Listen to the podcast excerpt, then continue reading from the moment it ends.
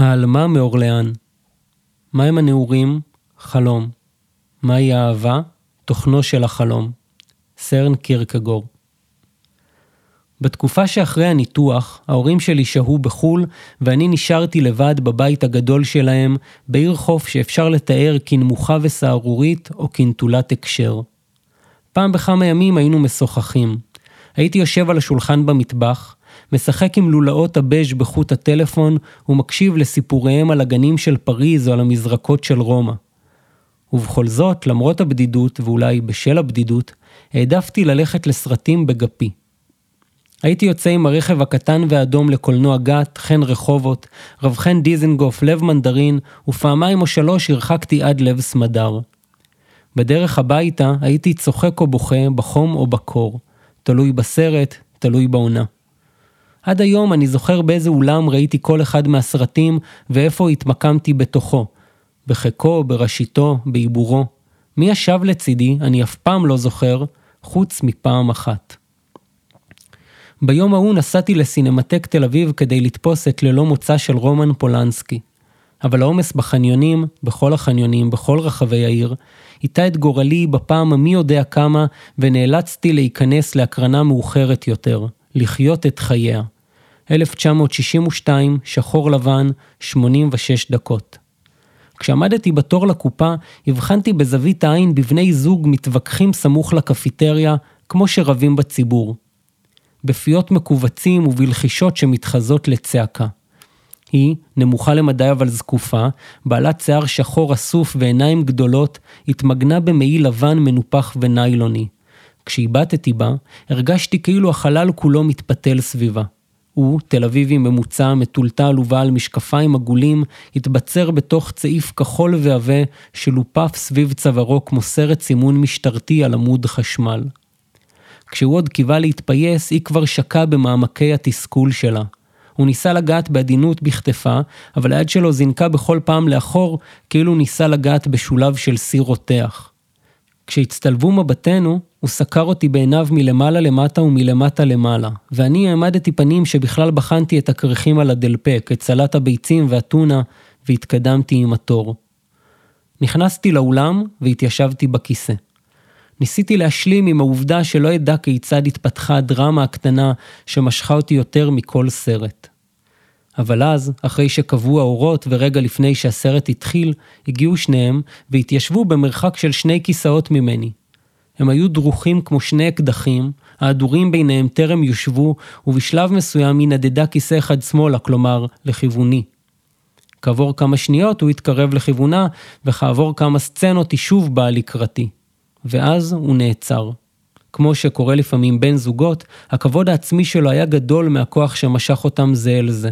לא עזרה לכך גם העובדה ששפת גופה שידרה לו מסר אילם, נחוש כמו עשר שורות של לוחמים ספרטנים. אתה שם, אני פה, וכך זה יהיה עד להודעה חדשה, או עד שידלקו האורות.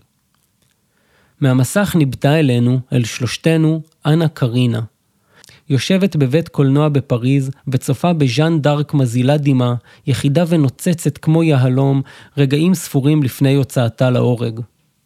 ידעתי אז מעט מאוד על העלמה מאורליאן, וגם היום איני יודע הרבה, אבל לא היה בכך צורך. מה שחשוב היה הפריים הבא, שבו גילינו שגם אנה קרינה בוכה, מתוך הזדהות. הצצתי בזהירות בעיניים הארוכות והכאות שריחפו מימיני, ושזרחו באור המקרן שחזר אלינו מן המסך הגדול. השתדלתי לא להתאפס. היה אסור לי להתבונן בהם, אבל חשתי בנוכחותם של ריסים מרצדים, כמו גבעולים שחורים שנרעדים בדומייה באמצע ליל קיץ חם. האם נצצה שם דמעה או שדמיינתי? חשבתי לעצמי, כמה אנשים הגניבו מבט כזה הצידה מאז 1962? ואז חשבתי, החיים חזקים מהקולנוע, אבל יש צורך בקולנוע כדי לתפוס את עוצמות החיים.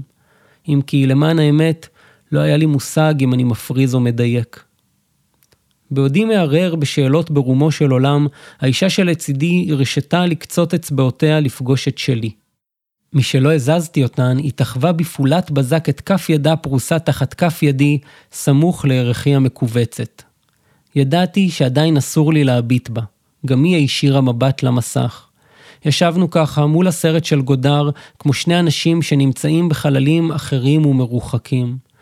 אחד מאיתנו מתקיים שם באמת, בסינמטק של תל אביב, בעוד השני מגלם השתקפות או עידוד ממקום אחר. אבל קשה היה לקבוע מי זה מי, וברגע שהייתי מנסה לתת תשובה, הייתי מת או שהיא הייתה מתפוגגת. ושתי האפשרויות נראו לי גרועות באותה מידה. מתמונה לתמונה הכפיל הלב שלי את קצב דפיקותיו. כמעט התעלפתי כשתפסתי את ידה בתוך כף ידי. ציפיתי שיקרה משהו, שהיא תשין עליי את ראשה, תסתור לי, תדחוף את ידה למכנסיי או את ידי לחולצתה, שחבר שלה יירק לי בפנים או יחנוק אותי בלפיתה מאחור, שאורות ידלקו ויחשפו בפני כולם את מעשה הבגידה הקטנטן שלנו. ואולי, מי יודע, הסדרן יגיח מעלתה, יציג את עצמו בתור ז'אן לוק גודר בכבודו ובעצמו, ויושיט לכל אחד מאיתנו מעטפה ובתוכה הזמנה לריביירה. אבל כלום מזה לא קרה. רק המשכנו לשבת שם והחזקנו ידיים בשתיקה של ילדים. כשהחבר שלה רחן לעברה וניסה ללחוש משהו באוזנה, היא הדקה את אחיזתה כאילו אני אקמע נגד כל השדים שלה, או השותף שלה לקרב. אני מצידי השבתי לה בלחיצות קצרות וקטועות, כאילו אותעתי לה במורס, בינתיים אני כאן, בינתיים אני כאן. ובליבי חששתי שהבינתיים הזה הוא אכן רק בינתיים ולא דקה אחת יותר. ברגע שהופיעה הכתובית פין, הסוף, היא קמה והסתלקה. לפני שהוא הספיק לתפוס את כתפה, ולפני שאני הספקתי להתבונן בפעם האחרונה בפניה. כשהאורות נדלקו, יצאתי החוצה וחיפשתי אותם במשך כמה דקות ארוכות בתוך ההמולה. הם לא הופיעו. התיישבתי על ספסל עשוי אבן, ואחרי חצי שעה או שעה הבנתי שלא נותרו לי ברירות. שוב נאלצתי לחזור לבדי, ברכב האדום והקטן, לעיר השינה. בשנים שלאחר מכן, חשבתי שאני רואה אותה בכמה הזדמנויות. בהתחלה זה קרה לי כמעט בכל ביקור בתל אביב, ואפילו כשהייתה לי בת זוג האמנתי שיום אחד אני עשוי לפגוש אותה, ומי יודע מה יקרה. היא תפרע את שערה השחור, וחיי ייקלעו למערבולת. אחר כך, אחרי שעברתי לגור בעיר, חשבתי עליה רק מדי פעם, לעתים רחוקות יותר ויותר. ראיתי עיניים גדולות ומרחפות שהזכירו לי אותה ליד המלבייה, בחנויות הספרים המשומשים, ובייחוד בקולנוע. כן, אין בזה היגיון, אבל הרי בכל המקרה ההוא לא היה שמץ של היגיון. ולפני כמה שבועות, כשנסעתי לירושלים עם בת הזוג הנוכחית שלי, ראיתי שמקרינים שם בסינמטקת לחיות את חייה. היו לי כמה שעות פנויות והתלבטתי האם כדאי להיכנס. נשענתי על המעקה והנחתי למחשבות שלי לנדוד עד שההזדמנות חלפה. עצמתי עיניים אל מול גיא בן הינום ונזכרתי בימים ההם, אחרי הניתוח.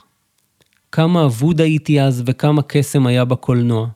ואם לקצר, כמה אבוד הייתי בתוך הקסם של הקולנוע.